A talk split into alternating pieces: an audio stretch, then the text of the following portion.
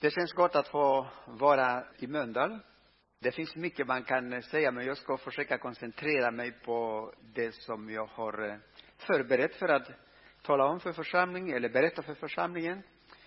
Eh, nu är det så här att eh, vi följer ett ämne i kyrkan. Så vi alla som följer söndag efter söndagar har möjlighet att följa de här ämnena. Och det handlar om den helige ande eller andliga nådegåvor. Jag har haft som uppdrag att tala om eh, tjänstegåvorna. Men eh, jag har ju känt väldigt starkt att kunna avvika lite grann av sidan. Men jag kommer att tala om det som är viktig, viktigare än andliga nådegåvor faktiskt. Det är ju förutsättning för att vi ska använda de här andliga nådegåvor som Herren lägger i våra hjärtan. Och ni kommer att förstå inom kort här nu framöver. Så jag vill åtminstone inleda med att läsa ett väldigt, väldigt kort bibeltext. Ni känner till, utan till och jag tror att eh, många kanske har någon tavla med samma text hemma också. Och jag utgår från Matteus evangeliet kapitel 5 och vers 8. Är ni med? Har ni bibel eller har ni iPad, iPhone och så vidare? Varsågod, slå in det. Så läser vi tillsammans i Jesu namn. Saliga är de barmhärtiga, vers 7. De skall få barmhärtighet. Och vers 8. Saliga är de renhjärtade. De skall se Gud. Ämnet, eller rubriken heter Salig och renad eller ren. Rubriken inbjuder mig att kunna försöka göra en inblick i oss själva. Därför att den kommer att hjälpa oss att komma igång med våra tjänster, med våra gåvor inför Gud. Jag vet inte om ni har sett för några år sedan ett program som heter Rent hus. Är det bara jag som tittar på TV? det var dåligt detta. Men just i den program visas hur folk samlar in för mycket. Så att de kan knappt röra på sig inne. Och det behövs ta itu med detta så att eh, för att man ska kunna trivas i en, eh, ett hus eller i en miljö. Det behövs vara i ordning, det behövs vara städat, fint, fräscht och så vidare. Är ni med? Hur har vi hemma? Aj, aj, aj, aj, det var en dålig fråga. Men inte bara nog med det, utan just sitta på, i våra eget hjärta. Hur har vi här? Finns det ordning? Finns det skräp? Är det smutsigt? Ni kommer att förstå begreppet här. Så. Ni kan hjälpa mig. Hur många så, har ni sådana eh, eh, saker hemma? Alla, ja. Särskilt männen, för det är vi som städar, eller hur? Vad har de här tre sakerna gemensamt? Bra. Göra rent. Det handlar om att vara fräsch, fina kläder, rena kläder, eller hur? Rena tänder. Händerna också. Vi använder väldigt mycket eh, från pandemin framöver så använder vi väldigt ofta de här eh, desinfektions eller handsprit. Så. Och det är jätteviktigt att tänka på de här yttre renhetsformer. Men det finns också någonting som Bibeln talar om för oss, hur man gör rent sitt hjärta. Därför inledningstext talar mycket om att saliga är de som har ett rent hjärta. David kopplar den här tanken i en av sina psalmer. Jag återkommer till tanken, eh, tanken i, längre fram i predikan eller undervisning. Det vill säga, kära vänner, att renhet har med helgelse att göra, med förberedelse, med ordning i våra liv. Är ni med? Aj, aj, aj, det var, det var dåligt fråga.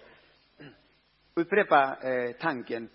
Renhet har med helgelse i våra liv att göra. Det går inte att eh, eh strunta i eller hoppa över. När man gör så, då blir det en jättedålig tjänst för Herren. Oavsett vilka gåvor du har. Om vi är inte renade, om vi är inte helgade, då blir det jättedålig tjänst för Gud. Är ni med? Ja, nu ska vi fortsätta. Idag ska jag försöka att eh, genom engelska få lite hjälp därför att svenska, när jag gick igenom ordet, det är lite svårt att förklara på svenska för det är samma uttryck, ren, som upprepas två, tre gånger och jag tog eh, hjälp av den engelska för att inte eh, tala om grekiska här idag. Men eh, så förstår vi lite bättre och ordet som jag vill tala om lite grann i detaljer handlar om ren eller renhet. Det första ordet på engelska blir det då clean. Och det har vi ett bra begrepp att kunna förstå vad är det Gud vill säga till oss när vi läser Bibeln. På spanska har vi exakt samma ord som på engelska. Och ordet kan betyda ej fläckad eller smutsig. Och sen finns det några synonymer på svenska också som kan hjälpa oss att förstå motsatsen. Och det kan vara oklanderlig eller prydlig. De här begreppen gör så att vi överväger det som vi pratar om, renhet och helighet. Eller hur? Så förstår vi bättre vad detta innebär. Ordet ofta förknippat med ritualer eller ceremonier. Men man kan också förstå begreppet genom att använda vissa redskap för en tillbedja eller en gudstjänst eller en tjänst. Bland annat olika ceremonier som, som eh, i Gamla testamentets tid gjordes för att kunna bli acceptabla eller godkännande inför Gud. Det skulle ha varit rent. Det skulle ha varit mottagen. Det andra ordet som jag har, det är äkta eller renodlad. Det här var ett nytt ord för mig på svenska, renodlad. Eh, och ordet på engelska blir det då purification. Det är att man tillsätter på ett särskilt sätt en, en vikt på det som Gud vill med våra liv eller med våra hjärtan. Är ni med? Hälften, eh, andra hälften. Amen. Så. Jag vill få respons därför att annars så tycker jag jag måste eh, göra någonting annat. Men eh, jag tror att jag ska fortsätta med ämnen idag. Ordet helig då på svenska, engelska sanctification. Eh, man kan säga så här att det är en, en av viktigaste egenskaper från gamla testamentets tid som satt krav på de som skulle tjäna Gud. Både i tabernaklet men också eh, vidare sen i templet. Sanctification, det är förknippad med vårt sätt att leva, inte vårt sätt att försöka att göra, utan vårt sätt att leva. Det är ett livsstil, kan man säga. Det är ju att vara helgad, eller hel, att leva i helgelse. Och jag tror att eh, när vi går till eh, mataffärer och så köper vi en viss produkt, låt oss ta, ta som exempel mjölk, så finns det en liten märke, kravmärke. Och det betyder att du, den produkt du köper, du köper kvalitet. Att det är godkänd. Det kommer inte att eh, göra dig illa, utan det är godkänt. Och kära vänner, helgelse i Gamla testamentets tid var kravet för alla präster som skulle tjäna Gud. Är ni med? Idag ställer Gud samma krav till oss alla. Det är inte bara ledare och pastorer eller äldste, utan alla. Vi läser ett bibelord från Hebreerbrevet 4.16 eller 8. Utan helgelse, vad står det? Kan ingen se Gud. Den spanska bibelöversättningen säger det är omöjligt att behaga Gud. Så därför, kära vänner, viktigare än gåvorna är din helgelse, din renhet inför Gud. Om det är så att vi siktar på att eh, vara effektiva med dina gåvor inför Gud, för församlingen. Det jag säger idag, det talade för mig först. Och därför vågar jag med mycket frihet säga detta. För jag upplever att de här tankarna som jag har skrivit ner i mina eh, lappar här, eh, jag har fått från Herren och det kommer att bli till välsignelse. Det kommer att hjälpa dig i ditt andliga liv framöver. Du kanske trodde att du var helgade, att du var rent, Men så plötsligt när vi kommer till ordet så upptäcker vi, men jag har ju slarvat med min helighet, med min renhet.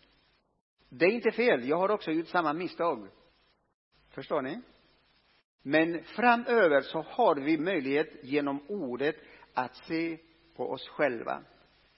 Det första eh, felet man gör, eller misstag man gör, det är att titta på andra. Hur helig är Albin? Hur helig är Miriam? Och så vidare. Men vi glömmer titta på oss själva. Och fokuset måste vändas ofta på oss själva genom ordet och när den helige Ande talar till oss så att vi själva inser vart är det som finns fel hos oss eller varför händer vissa saker som inte borde ha hänt i församlingen till exempel. Eh, det tredje ordet som jag eh, vill eh, prata idag, det är i, talar väldigt mycket om situationen som man möter i livet. Vår helgelse, det är inte engångsupplevelse, det är frälsningen. Man blir frälst en gång och som man brukar sjunga på svenska, jag är härligt frälst. Men vår helgelse, kära vänner, det är en process. Man måste bearbeta varje dag. Man blir inte helg, eh, helig från natt till dag, utan det är en process. Det får vi ifrån Bibeln, att det är så det går till. Och därför de här bibelundervisning, eh, predikningar, hjälper till att gå vidare i vår, i vår helgelse inför Gud. Ordet ren förekommer i 25 utav 66 böcker i Bibeln. I 25 stycken böcker. Så där har ni en läxa om ni är intresserade på att bli helgade inför Herren. Det finns 25 böcker att läsa och kunna förstå en del utav vår helgelse. Vi börjar med att det förekommer i eh, första Moseboken och vi läser om samma ord och samma ämne även i Uppenbarelseboken. Så genom hela Bibeln går en röd tråd och det är inte bara frälsning utan det är också vår helgelse. Helgelse var kravet i Gamla testamentets tid för att kunna bli accepterade inför Gud. Och i, på Gamla testamentets tid, detta var ett krav.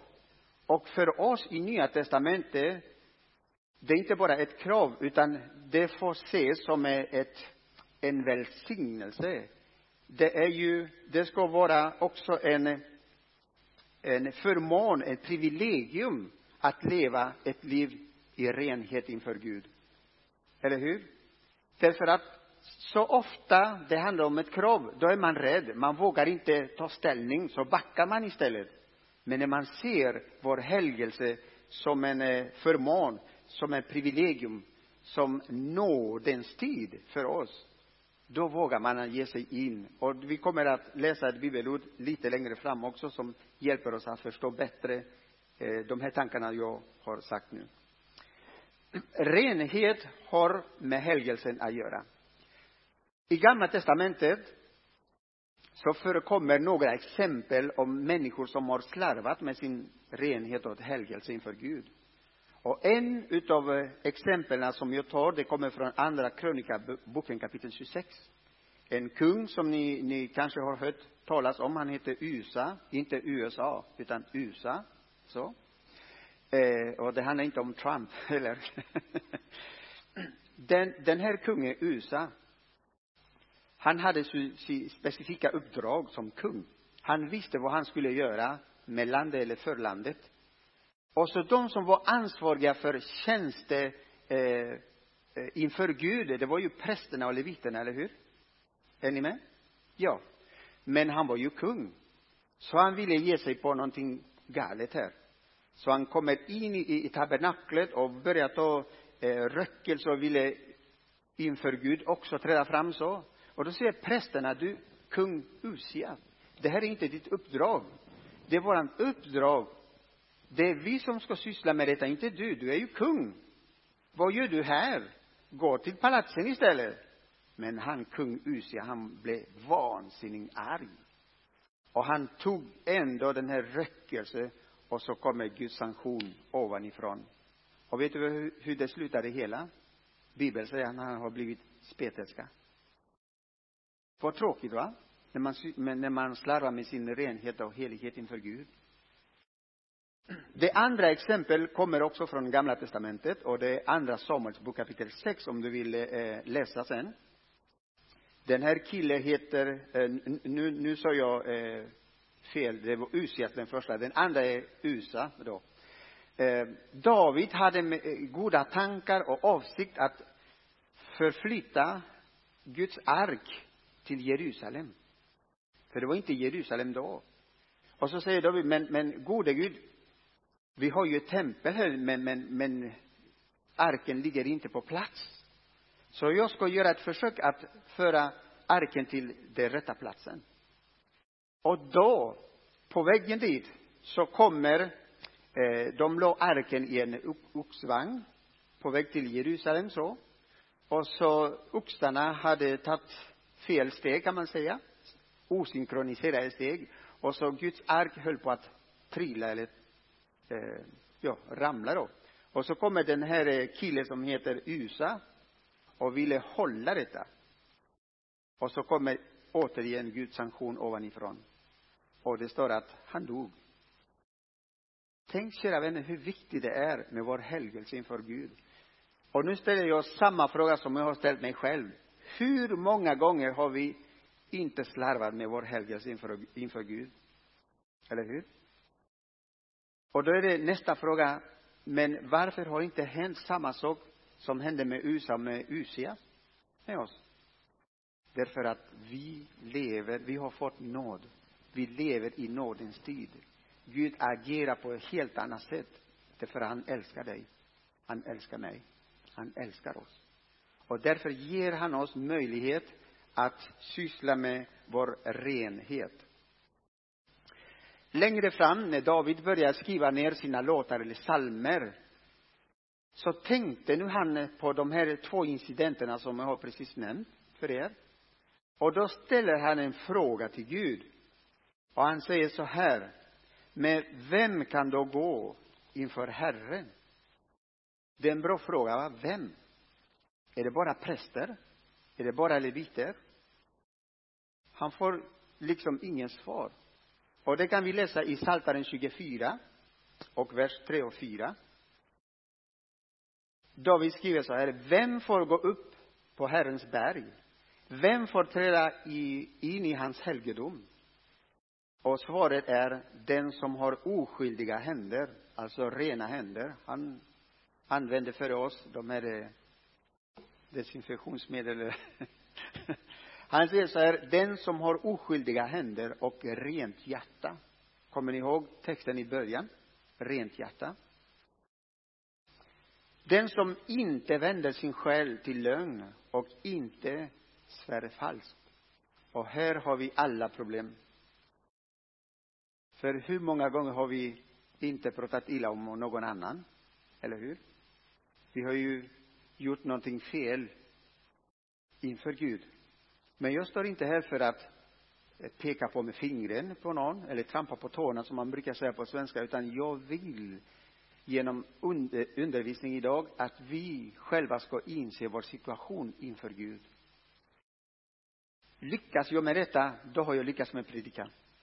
Och jag hoppas att den helige Ande ska också vara med, verksam i allt detta och få hjälpa oss att få komma till rätta med oss själva och inför honom. Att vara ren, det är ett tecken på att vi är förberedda för att träda inför honom, att vi är godkända. Den här lilla kravmärket, det är godkänt från Gud. Jag tror inte att vi behöver gå till affären och klippa bort den här klistermärket krav och sätta på oss så, som en, en sigill eller något sånt, utan vi har ju ordet som hjälper oss att inse att uppnå det mått helgelse Gud vill att vi ska ha för att kunna vara effektiva i Guds tjänst, eller i tjänsten till Gud. Och jag läser en eh, bibelvers till från Hebreerbrevet kapitel 4 och 16. Då är det Hebreerbrevets författare som skriver så här. Låt oss därför frimodigt gå fram till nådens tron för att få barmhärtighet och finna nåd till hjälp i rätt tid. Ofta så visar vi tillfället därför att vi kommer för sent. Jag är en person som inte gillar att komma för sent. Jag försöker vara i god tid. Och det är ju det som också tanken förekommer i den text som jag har läst nu. För att få hjälp i rätt tid. Och jag tror att vi alla som har upplevt frälsningen, vi har kommit i rätt tid. Men vi behöver bearbeta vår helgelse inför Gud. Det är inte fel, va? Det är bra. Nu börjar jag bli mer seriös, ämnet här, men eh, okej. Okay. Vi hoppas att vi förstår begreppet eller syftet med vår helgelse. Eh, vem av oss skulle kunna tänka sig äta mat i en smutsig tallrik? Ingen. Eller hur? Eller dricka vatten i en smutsig kopp eller glas? Ingen. Grejen är att när vi tolkar de här exemplen till vårt andliga liv, det är ju det ofta vi gör. Det är det ofta vi gör. Vi äter med smutsiga tallrikar. Vi dricker med smutsiga koppar eller glas. Och så ska det inte gå till. Utan vi ska behöva eh, fortfarande bearbeta vår helgelse inför Gud. Och jag tror att det här undervisningen idag, det är ingenting som sätter gräns på någon här. Som sätter stopp för någon som kanske har tänkt sig att tjäna Gud. Vara med, utveckla sina gåvor inför Gud. Nej, nej, nej. Snarare tvärtom. Det är för att hjälpa oss att kunna ge en kvalitetstjänst för honom. Det är det tanken. Och vi hoppas att ordet kan belysa för oss hur viktigt det är att syssla med vår helgelse och vår renhet. Ofta så försöker vi lösa själva problemet. Och ibland så går det bra, men för det mesta så misslyckas vi med att lösa problemet själva. Och jag tänker på en bild. Ett, lite, ett barn, kan vara åtta, nio, tio år. Han har fått fina kläder. Han är på väg till en kalas. Det har precis upphört att regna. Och så trillar han i vattenpölar. Och blir hans kläder helt fullständigt smutsig. Vad tror du han gör? Vi som har barn, vad, vad, vad brukar göra våra barn? ja, springer till mamma såklart. Men det finns två saker barnen kan göra. Antingen så löser de själva, försöker plocka bort smutsen, så gör ännu värre saker, eller hur? Eller så kommer de till föräldrarna för att få hjälp. Och det är ju exakt samma sak som jag tänker då det gäller min eh, renhet och helighet inför Gud. Jag kommer till Gud, för han hjälper mig. Därför att när jag försöker fixa själv, det blir värre. Det blir värre, jag klarar inte. Och därför har vi möjlighet att komma inför nådens tron idag, imorgon. Så länge vi har liv har vi möjlighet att återupprätta och förbättra vår helgelse inför Herren. Eh, visste ni, kära vänner, att eh, en av djuren som gillar leran och, och smutsen, det är svinet eller gris, grisen? Det visste ni, va? Eh, jag, jag vet för jag, på barnhemmet i Argentina, vi hade många grisar som, som man skulle sköta dem och mata dem och så vidare. Och så kom det en vattenslang. Sekunder efter han var smutsig igen. Ja, det, man skrattar men, men eh, saken är att eh, vi människor gör samma sak. Hur många gånger har inte Gud förlåtit oss? Och så felar vi igen syndar vi igen. Och då är det frågan varför? Jo, precis som grisen, det ligger i hennes natur att älska smutsen, så finns det också i vår mänskliga natur samma beteende. Vi upprepar samma sak. Är ni med? Men jag har lösning idag. Jag har lösningen idag och då hittar jag i ordet. Och då kan vi läsa eh, andra Petrus brev 22 och 22. Då, då bara förstärka de här tankarna som jag har sagt. Så här skriver apostel Petrus. Det har gått med den, som det så snart heter i ordspråket. En hund vänder om till sina spyor vad äckligt. Eller hur? Och vidare, och ett nytvättat eller rentvättat svin vältrar sig i smutsen.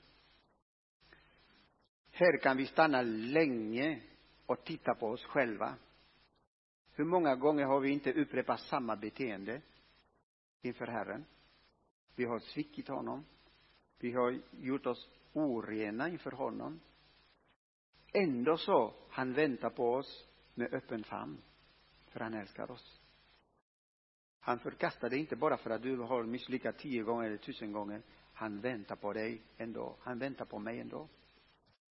Jag kommer strax att avrunda lite grann de här tankarna och hoppas att eh, under veckan vi kan fundera på hur är det med min tjänst inför Gud? Är det godkänd inför honom? Är det behövs förbättra vår helgelse inför honom? Behöver vi gå vidare med vår renhet? Paulus skriver i Efesierbrevet kapitel 2 och vers 3. För att inte vara mindre än andra eller mer än andra så skriver han så här i Efesierbrevet kapitel 2, vers 3. Bland dem var vi alla en gång.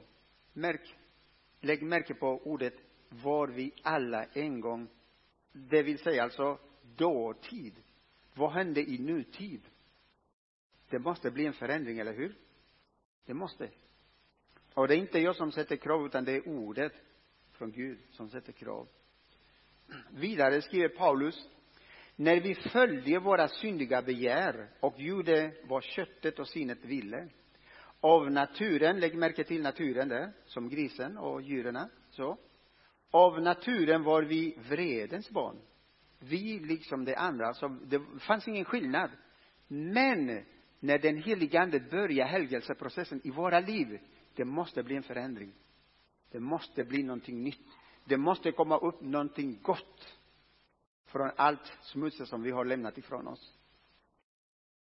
Nu ser jag att de flesta nickar, jajamän, du har rätt, men det är inte jag, utan det är ordet. Det är ordet. Jag söker inte att ha rätt här, utan jag söker bara att förmedla det jag har fått ifrån Herren. Så har du möjlighet att eh, göra upp med Gud, med din helgelse, din renhet. Du kommer, kära vänner, att få ett bra tid med Gud. Du kommer att få utveckla ännu mer dina tjänster och gåvor inför Gud. Um, apostel eh, Johannes skriver så här, och här kommer svaret då som jag har sagt att jag har goda nyheter. Johannes 15 och 3 säger Jesus till lärjungarna, ni är redan nu rena i kraft av ordet som jag har talat till er. Är vi det? Jag skulle ha, ha hört Amen! Eller hur? Amen. Vi är ju pingsvänner så vi tar det lugnt lite grann så. Okej. Okay. Ja. Ni förstår tanken. Men, men, men, men det är ju Jesus som säger detta. Ni är renade på grund av ordet som jag har redan talat till er. Vad ska vi göra med Guds ord? Ska vi skicka vidare till någon annan? Nej, de här undervisningen är inte till mig. Det gäller inte mig. Det angår inte mig. Eller ska jag ta för mig? Ofta så är vi väldigt skickliga för att skicka vidare lastet, va? Men idag, ordet talar till oss. Ordet talar till mig. Jag står inte här framför er och, och, och, eh, och försöker låtsas som att jag är rent och helig, utan det får min Herre där uppe avgöra. Och jag brukar säga så här, efter varje gudstjänst som jag har haft möjlighet att predika eller undervisa, och så kommer jag vid liv, hem vid liv, så säger jag till Gud, tack och lov att du har inte liksom dödat mig. För det kunde ha gått dåligt också, eller hur? Precis som USA och eh, Usia. Men vi lever, som jag har sagt tidigare, i nådens tid. Och därför Gud ger oss möjlighet efter möjlighet att kunna förbättra oss, att kunna leva vår renhet inför honom. Vi har, låt mig få säga så här, vi har inte garanti på morgondagen. Därför är det väsentligt att vara rätt med vår helgelse inför, inför Herren. Och här spelar det inte så stor roll hur många nådegåvor du har. För kom ihåg, garanti, det är det som gäller. Kravet, helgelse, renhet. Och det är inte någon pastor som godkänner detta, utan det är han där uppe som styr detta.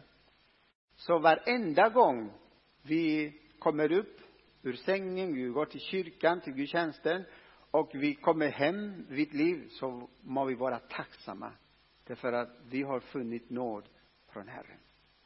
Jag vill bara avsluta genom att läsa ett bibelord från Gamla testamentet. Det är tredje Moseboken kapitel 11 och vers 44.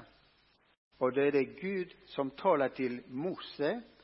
Han skulle förmedla Guds ord till församlingen eller till folk och han säger så här Guds ord då. Ty jag är Herren, er Gud. Ni skall hålla er heliga och vara heliga. Ty jag är helig. Alltså, kära vänner, vi sysslar med någonting jätteviktigt. Och då får vi inte slarva med vår renhet, med vår helgelse inför Gud. Det finns, jag vet inte om det finns fortfarande, men det fanns åtminstone eh, några år sedan en församling som heter Helgelseförbund. Eller hur? Det känner ni igen, eh, några. Tänk, och den, den helgelsen får vi sätta igång ännu en gång i våra liv. Inte som en organisation eller som en samfund, utan för dig själv, för oss själva. För det angår mitt liv relation med Gud och mitt liv relation med varandra också. Ännu en gång, Gud har varit nådig mot oss alla dessa år. Vad ska vi göra med vår helgelse? Ska vi fortfarande slarva? Ska vi fortfarande eh, eh, inte sköta? Eller ska vi förbättra oss?